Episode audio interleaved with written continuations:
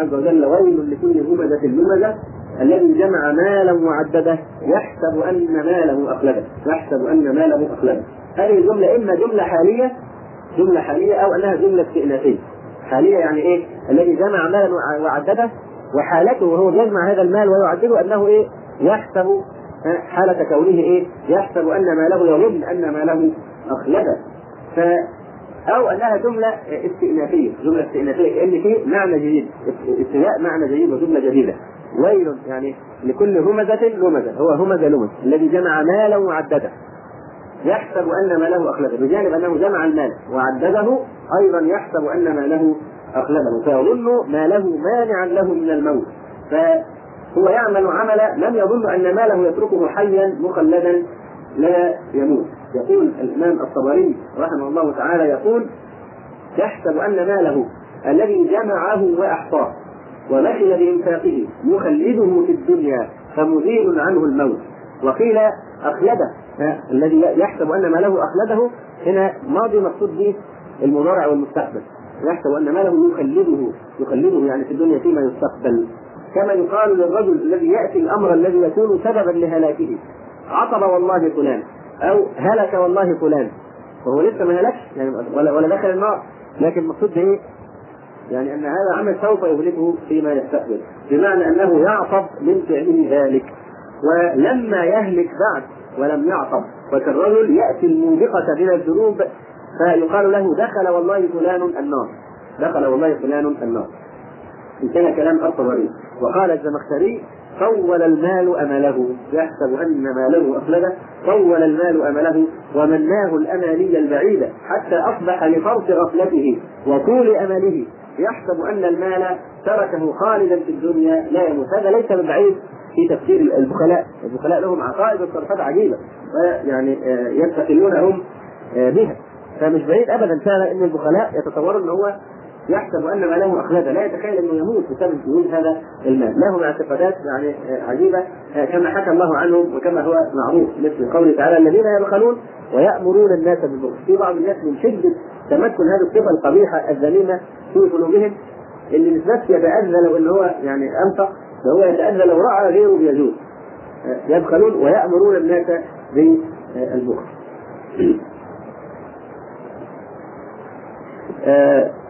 يحسب أن ماله اخلده كما قلنا يعني يخلده ويبقيه ماضي يبقيه حيا لا يموت أو يبقيه ماكتا مكتا لا ينتهي أو مكتا طويلا جدا. هذه المعاني الخلود. أو يزيد في عمره يعني. ولاحظ أن الله عز وجل هنا قد أظهر المال في موضع الإضمار. فقال عز وجل الذي جمع مالا وعدده يحسب أن ماله اخلده فكرر كلمة المال مع إن السياق العادي اللي موضع إضمار. يحسب أنه أخلده. فتعود على مالا لكن هذا تكرار لعلة. لعلة. فقال بعض العلماء إن المقصود بتكرار كلمة المال الذي جمع مالا وعدده. يحسب أن ماله أخلده. فلزيادة التقرير وللتقريع والتوضيح. يحسب أن ماله أخلده. فقيل هذا تعريض هذا نوع من التعريض. في الآية تعريض بالعمل الصالح. يعني كأن إيه بيعرض له الله سبحانه وتعالى انت تحسب إن مالك هو اللي يخلدك لا ده العمل الصالح ثم مخلد آخر ينبغي للعاقل أن يكب عليه وهو السعي للآخرة حيث الخلود الحقيقي فيعني تكرار كلمة المال لايه؟ للتعريض لأن المخلد الحقيقي ليس المال وإنما هو العمل الصالح الذي يخلد صاحبه في الحياة الدنيا فهذا الحسان هو المذموم عليه وهو المنصب عليه الوعيد. فكأنه كفر بالبعث كأن هذا الشخص لا يؤمن بالبعث. ولا يعني يوقن بهذا البعث كما قال صاحب الجنة كما قال سلفه من قبل في قوله تعالى ودخل جنته وهو ظالم لنفسه دخل جنته في أصول الكهف ودخل جنته وهو ظالم لنفسه قال ما أظن أن تبيد هذه أبدا يعني معقول الجنان دي والقصور وهذا المتاع وهذا النعيم ما أظن أن تزيد هذه أبدا. فيقول الإمام الشنقيطي رحمه الله في تفسير آه هذه الآية آه قوله تعالى ودخل جنته وهو ظالم لنفسه. قال ما أظن أن تزيد هذه أبدا وما أظن الساعة قائمة ولئن رددت إلى ربي لأجدن خيرا منها منقلبا. يقول ذكر جل وعلا في هذه الآية الكريمة عن هذا الرجل الكافر الظالم لنفسه. الذي ضربه مثلا مع الرجل المؤمن في هذه الآيات لرؤساء الكفار الذين افتخروا بالمال والجاه على ضعفاء المسلمين الفقراء. أنه دخل جنته في حال كونه ظالما لنفسه وقال إنه لا يظن أن تهلك جنته ولا تفنى لما رأى من حسنها ونضارتها.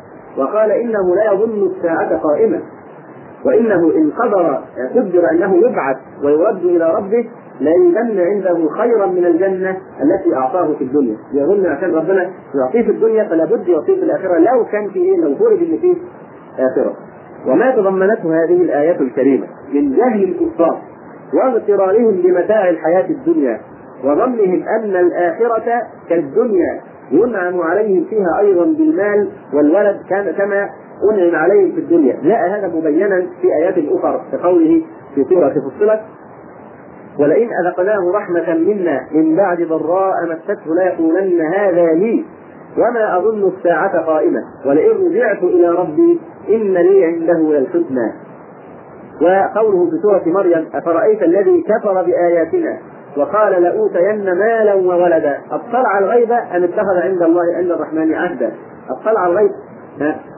وقوله في سبأ وقالوا نحن أكثر أموالا وأولادا وما نحن بمعذبين؟ وقوله في هذه السورة الكريمة فقال لصاحبه وهو يحاوره أنا أكثر منك مالا وأعز نفرا. يحسب أن ماله أخلده. وبين جل وعلا كذبهم واغترارهم فيما ادعوه من أنهم يجدون نعمة الله في الآخرة كما أنعم عليهم بها في الدنيا بين ذلك في مواضع كثيرة. كقوله تعالى أيحسبون أن ما نمدهم به من مال وبنين نتابع لهم في الخيرات؟ بل لا يشعرون. وقال صلى الله عليه وسلم إذا رأيت الله تعالى يعطي العبد من الدنيا ما يحب وهو مقيم على معاصيه فإنما ذلك منه استدراج. يعني ليسره للعسرة يسره للأسرة حتى يستحق مزيد من العذاب نتيجة المزيد من كفران النعم. يقول عز وجل سنستدرجهم من حيث لا يعلمون. إذا رأيت وقال صلى الله عليه وسلم إذا رأيت الله تعالى يعطي العبد من الدنيا ما يحب وهو مقيم على معاصيه فإنما ذلك منه استدراج قال عز وجل وسنستدرجهم من حيث لا يعلمون وأملي لهم إن كيدي متين. وقوله عز وجل ولا يحسبن الذين كفروا أنما نملي لهم خير لأنفسهم إنما نملي لهم ليزدادوا إثما ولهم عذاب مهين. وقال عز وجل وما أموالكم ولا أولادكم بالتي تقربكم عندنا زلفى. وقال عز وجل ما أغنى عنه ماله وما كسب. هذا مصير المال الذي جمعه وعدده. وكان زينته في الدنيا والذي صرفه عن التفكر في المآل وفي المصير ودفعه إلى الهمز واللمز واحتقار خلق الله. يقول الله عز وجل فيه ما أغنى عنه ماله وما كسب. ويقول عز وجل إن هذا الظالم يقول يوم القيامة ما أغنى عني ماليه هلك عني سلطانيه ما أغنى عني ماليه هلك عني سلطانيه يقول النبي صلى الله عليه وسلم فيما رواه عنه أنس رضي الله عنه يؤتى بأنعم أهل الدنيا من أهل النار يوم القيامة فيصبغ في جهنم صبغا ثم يقال له يا ابن آدم هل رأيت خيرا قط؟ هل مر بك نعيم قط؟ فيقول لا والله يا رب. ويؤتى بأشد الناس بؤسا في الدنيا من أهل الجنة. فيصبغ في الجنة صبغا فيقال له يا ابن آدم هل رأيت بؤسا قط؟ هل مر بك شدة قط؟ فيقول لا والله يا رب. ده هذا مش مش معنى كان هو بيكذب هو رأى لكن هذا لا يذكر بإنسان. مجرد انه يكتبه في الجنة بينسى تماما بل إنه بيحلف كمان. إنه ما رأى يعني بؤسا ولا شدة قط. فيعني نسأل الله أن يجعلنا منه. يقول صلى الله عليه وسلم ويؤتى بأشد الناس بؤسا في الدنيا من أهل الجنة فيصبغ في الجنة صبغة فيقال له يا ابن آدم هل رأيت بؤسا قط؟ هل مر بك شدة قط؟ فيقول لا والله يا رب ما مر بي بؤس قط ولا رأيت شدة قط هذا الحديث رواه الإمام أحمد ومسلم والنسائي وابن ماجه عن أنس رضي الله تعالى عنه. هذا فيما يتعلق بتفسير قوله تعالى الذي جمع مالا معدده يحسب أن ماله أخلده. في مسألة الذهب المحلق والصلاة والسلام على أشرف المرسلين وعلى آله وصحبه أجمعين. المقصود طبعا بالكلام في هذه القضية وقد كثر يعني الكلام فيها واحتيج إلى بيان يعني آراء العلماء المخالفين لأحد يعني أئمة الهدى ومصابيح الدجى وهو سيدنا الشيخ نصر الدين الألباني معروف خير في مسألة الذهب المحلق والمقصود إن هو مش بيحرم الذهب. يعني بعض الناس تفتري على الشيخ ناصر بأنه يحرم الذهب على النساء. لكن هو لا يقول بذلك ولا يذهب إليه لكن هو يحرم النساء ترتدي الذهب المحلق اللي يكون على هيئة حلقه مثل الخاتم مثلا أو انواع الحلقان اللي هي بتكون دائرية يعني محلقة على هيئة حلقة متماسكه أو الاساور وهذه الأشياء. فهذا مذهب الشيخ ناصر في المسألة و يعني أصر كثير من الإخوة على الكلام في هذه القضية. وبيان آراء أو أقوال وأدلة العلماء المخالفين لفضيلته في هذه المسألة. فنذكر أدلة العلماء ونبين يعني تألف كثير من العلماء في الرد على الشيخ ناصر في هذه المسألة مثل ما فعل الشيخ إسماعيل الأنصاري في كتابه إباحة الذهب المحلق للنساء وكما فعل الدكتور محمد عبد العزيز عمرو في كتابه اللباس والزينة في الشريعة الإسلامية والدكتور نور الدين عسر في كتابه ماذا عن المرأة والشيخ أحمد بن حجر البطامي في بعض فتاواه. أولا بالنسبة لأدلة الكتاب والسنة على جواز تحلي تحلي النساء بالذهب المحلق. استدلوا بقوله عز وجل أو من ينشأ في الحلية وهو في الخصام غير مبين أو من ينشأ في الحلية يعني الله عز وجل يعيب على المشركين أنهم كانوا ينسبون إليه الملائكة ويصفوهم بأنهم إيه؟ إناث بأنهم إناث ويرتضون لأنفسهم الذكور هم يفضلون الذكور على الاناث يختارون لأنفسهم ما يحبونه وينسبون إلى الله عز وجل الأنثى فالله عز وجل ينكر عليهم هذا الفعل فيقول أو من ينشا في الحلية أتنسبون الله عز وجل النساء والأنثى التي تعتقدون أنتم نقصانها نقصانها وأن فيها نقصا ظاهرا في بدنها ونقصا باطنا في عقلها فهي فيبدو ذلك في إيه؟ النقص الظاهري في بدنها أنها تحاول أن تستكمله وتعوضه بإيه؟ في الحلية وبالزينه النقص الظاهري في البدن. أما نقص العقل فايته أنها في الخصام غير مبين. يعني لا تكاد واحدة من النساء يعني تصبر على الخصام والمجادلة والنقاش إلا مكتوبني يعني. وهو في الخصام غير مبين. فهذا نقص باطنها ونقص ظاهرها فالشاهد أن قوله تعالى ومن ينشأ في الحلية المقصود به الاناث وهو في الخصام غير مبين. فتنشأ الطفل حتى من صغرها على حب الزينة وتعويض هذا النقص. هذه فطرة من الله عز وجل. فبين سبحانه أن للنساء حاجة أصلية إلى التحلي بالذهب وغيره من أنواع الحلي وأنهن ينشان عليه وأن ذلك من دواعي أنوثتهن. وأباح لهن الحلية بإطلاق. في القرآن أباح الحلية بإطلاق.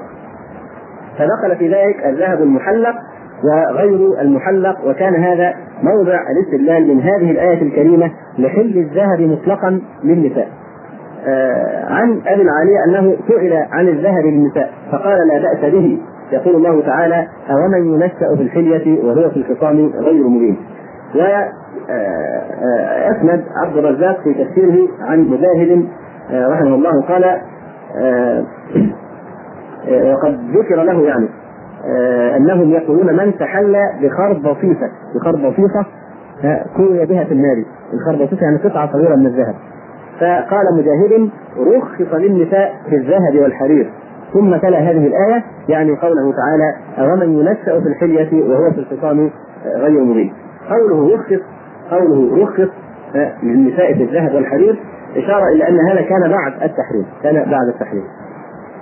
أما مجاهد فمعروف الامام مجاهد من أئمة التفسير الذين تلقوا التفسير على ابن عباس رضي الله عنه وكان يعني قرأ عليه القرآن من أوله إلى آخره يستوقفه عند كل آية ويستفسر عنها.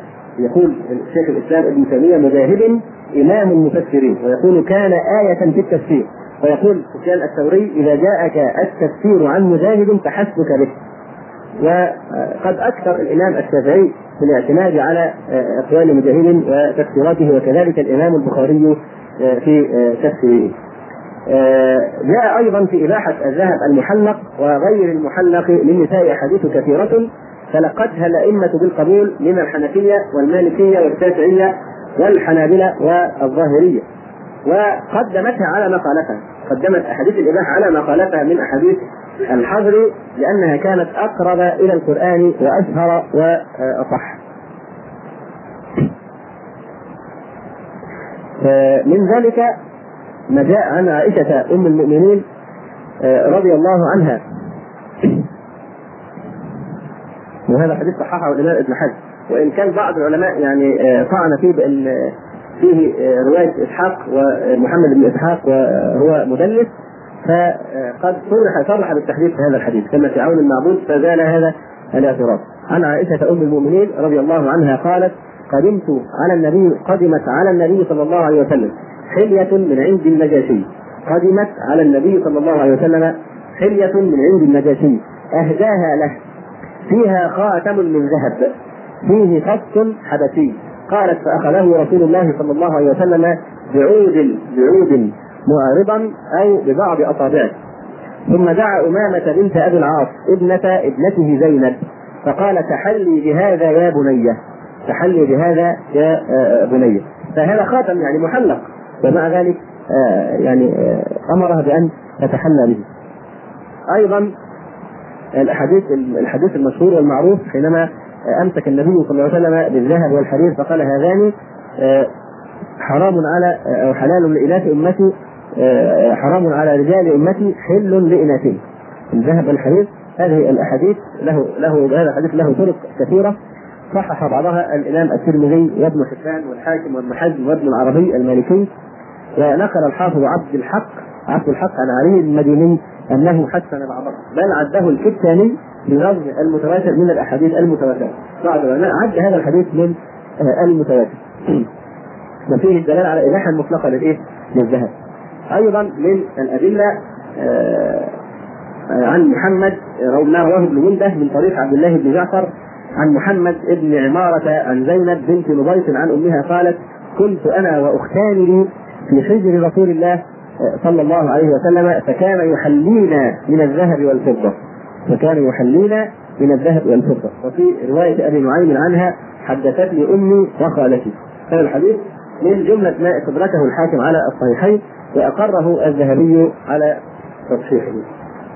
الحديث آه التالي عن عائشة آه رضي الله عنها عند الإمام أحمد أن رسول الله صلى الله عليه وسلم قال لو كان أسامة جارية لكسوته وحليته.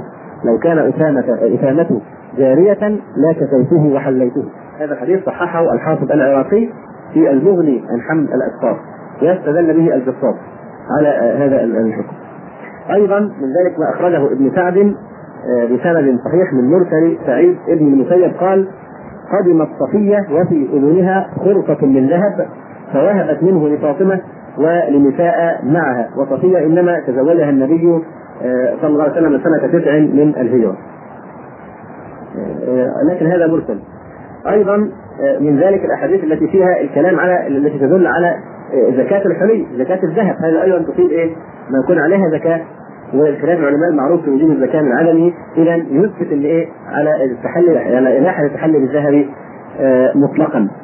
أيضا استدلوا الحديث المعروف في صلاة العيد في حديث صلاة العيد حينما حديث ابن عباس رضي الله عنهما قال بعدما خطب النبي عليه الصلاة والسلام المسلمين في صلاة العيد يقول ثم أتى النساء ومعه بلال ثم أتى النساء ومعه بلال فأمرهن بالصدقة. فجعلت المرأة تلقي قرصها قرصها. وفي رواية فرأيتهن يهوين إلى آذانهن وحلوقهن. يهوين يعني هي إخلاع إخلاع الذهب الذي في آذانهن وفي حلوقهن فمعناه أنهن النساء كن يرتدين الإيه؟ الذهب المحلق. فرأيتهن يهوين إلى آذانهن وحلوقهن. فهذه النصوص استدل بها من استدل بل هم يعني العلماء أكثر العلماء على إباحة هذا الذهب المحلى وعن عمر بن أبي عمر قال سألت القاسم بن محمد فقال لقد رأيت والله عائشة في حديث يعني يثبت لي وتلبس خواتم الذهب. تلبس خواتم الذهب. هذا في البخاري.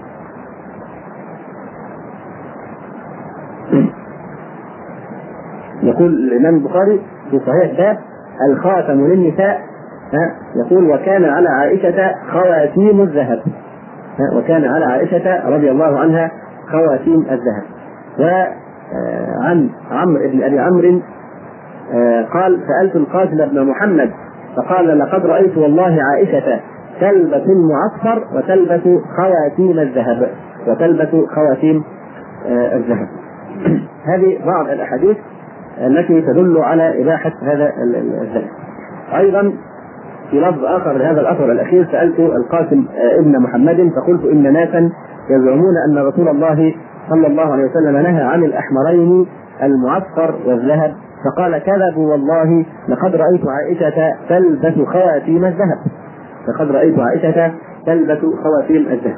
فيقول القاضي أبو المحاسن في توجيه هذا يقول لا يمكن مخالفته. يعني لا يمكن عائشة تخالف آه، الأحاديث الناهيه عن لبس خواتم الذهب آه، آه، لا يمكن مخالفتها لما سمعت من النبي صلى الله عليه وسلم إلا بعد وقوفها على ناسخ.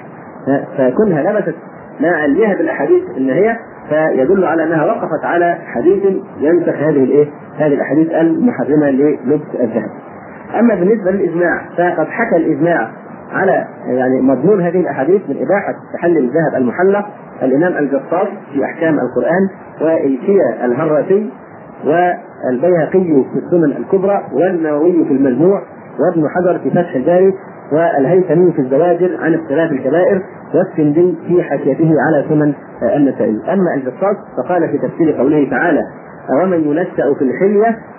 بعد أن ذكر يعني حديث عائشة آه، رضي الله عنها في منع رفع المسك بشيء من الذهب وحديث عن أبي هريرة في الوعيد على التطبيق والتكبير آه، واتخاذ القرب قال يعني كالصاد الأخبار الواردة في إباحته للنساء عن النبي صلى الله عليه وسلم أظهر وأشهر من أخبار الحظر. فالأدلة الوارده على الاباحه أشهر وأظهر من الأدلة الوارده على الحظر. ودلاله الآية ظاهرة في إباحته للنساء. وقد استفاض لبس الحلي للنساء من لدنه من لدن النبي صلى الله عليه وسلم وأصحابه إلى يومنا هذا من غير نكير من أحد عليهن ومثل هذا لا يعترض عليه بأخبار آه، الأحاد. هذا كلام الإمام الجصاص وقال الكيا الهراسي بعدما أورد قول مجاهد رخص للنساء في الذهب والحرير استدلالا بهذه الآية قال فيه دلاله هذا كلام إلكيا الهراسي.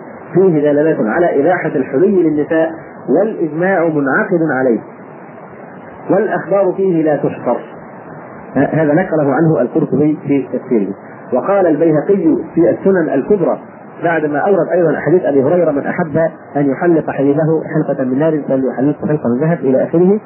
وحديث أسماء هي امرأة تخلدت قلاده من ذهب وحديث ثوبان في شأن بنت هريره قال فهذه الأخبار وما في معناها تدل على إباحة التحلي بالذهب للنساء. واستدلنا بحصول الإجماع على إباحته لهن. هذا كلام البيهقي. واستدلنا بحصول الإجماع على إباحته لهن على نسخ الأخبار الدالة على تحريمه فيهن خاصة. ها؟ كما في تعدد الزوجات كما في تعدد الزوجات. حتى وإن كانت الأحاديث التي التي يعني آه، تحصر تعدد الزوجات في أربع إن كان يعني لا تخلو من كلام من حيث السند والطعن فيها لكن استدل العلماء على إن انعقاد الإجماع يدل على وجود الإيه؟ على وجود الناسخ للتعدد المطلق واضح؟ فكذلك هنا استدلال العلماء بأحاديث الإباحة وباستدلال العلماء بالاجماع بالإجماع الذي وقع على أن هذا الإجماع يدل على وجود الإيه؟ الناسخ لأن الأمة معصومة في إجماعها من الضلال معصومة في إجماعها من الضلال وقال الإمام النووي في المجموع يجوز للنساء لبس الحرير والتحلي بالفضة والذهب بالإجماع للاحاديث الصحيحة. وقال أيضا أجمع المسلمون على أنه يجوز للنساء لبس أنواع الحلي من الذهب والفضة من الفضة والذهب جميعا كالطوق والعقد والخاتم والسوار والخلخال والتعاويذ والتمالك والقلائد والمخالف وكل ما يتخذ في العنق وغيره وكل ما يعتدن لبسه ولا خلاف في شيء من هذا. نفس الكلام ذكره الإمام ابن قدامة في المغني. وقال في شرح صحيح مسلم الإمام النووي باب تحريم خاتم الذهب على الرجال ونسخ ما كان من إباحته في اوائل الإسلام. يقول أجمع المسلمون على إباحة خاتم الذهب للنساء. أجمع المسلمون على إباحة خاتم الذهب للنساء. وقال الحافظ ابن حجر العسقلاني في شرح حديث البراء نهانا النبي صلى الله عليه وسلم عن سبع نهانا عن خاتم الذهب. نهانا عن خاتم الذهب. قال ابن حجر رحمه الله النهي عن خاتم الذهب. أو التختم به مختص بالرجال دون النساء. مختص بالرجال دون النساء. فقد نقل الإجماع على إباحته للنساء. وأيضا حافظ ابن حجر ذلك بما أخرجه ابن أبي شيبه من حديث عائشة رضي الله عنها أن النجاشي أهدى للنبي صلى الله عليه وسلم حلية فيها خاتم من الذهب فأخذه وإنه لمعرض عنه. ثم دعا أمامة بنت بنته فقال تحلي به تحلي به. وقال آه ابن حجر الهيثمي الفقيه آه في الكبيرة الثالثة بعد المئة وهي تحلي الذكر البالغ العاقل بذهب. يعني يكون رجل آه يعني عاقل وبالغ ويلبس ذهب هذه من الكبائر هذا من الكبائر.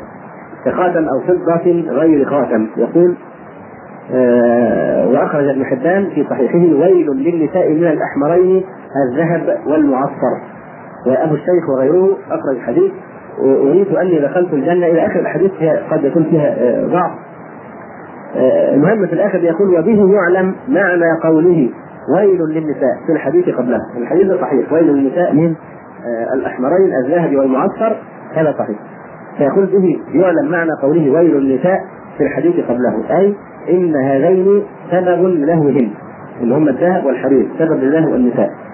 يقول أما الحديث اللي أنا اختصرته أريد اني دخلت الجنة فإذا أعالي أهل الجنة الفقراء وضرار المؤمنين وإذا ليس فيها أحد أقل من الأغنياء والنساء. فقيل لي أما الأغنياء فإنهم على الباب يحاسبون ويمحصون. فأما النساء فألهاهن الذهب والحرير.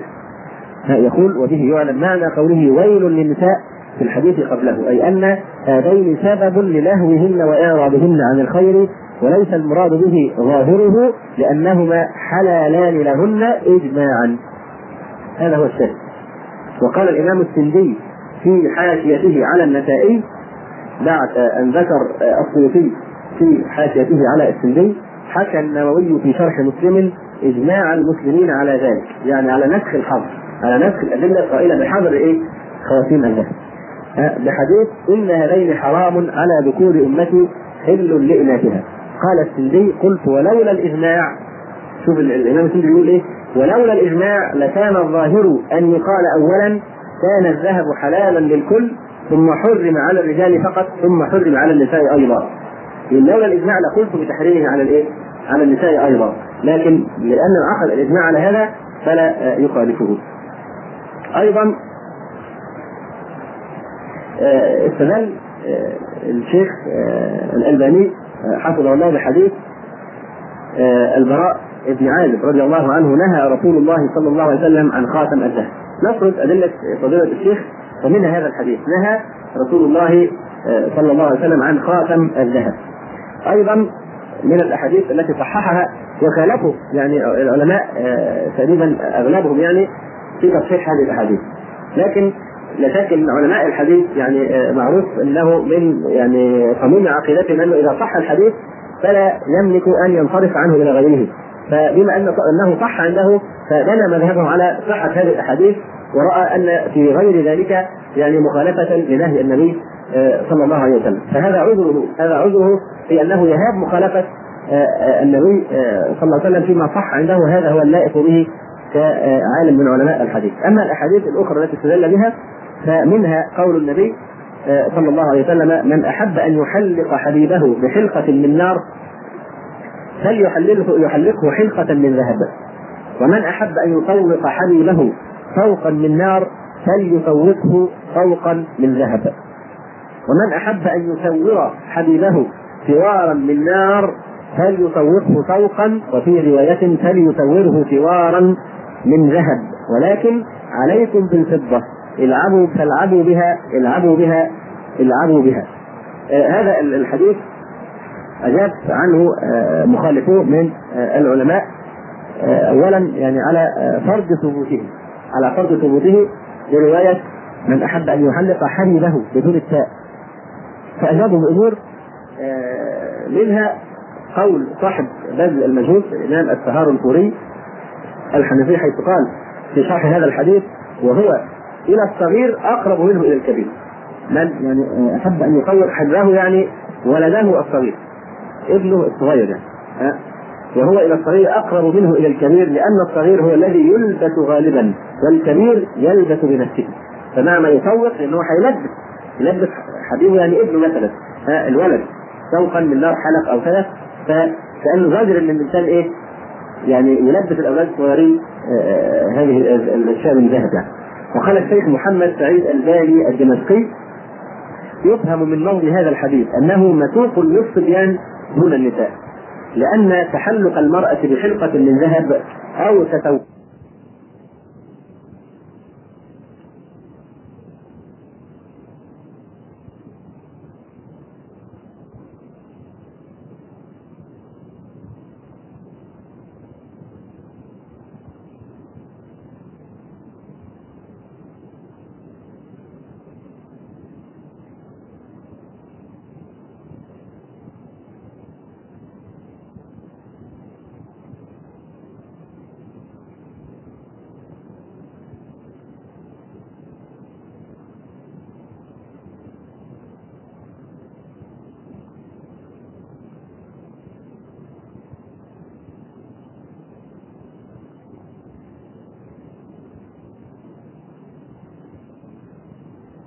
فهذا مصحف المدينة النبوية.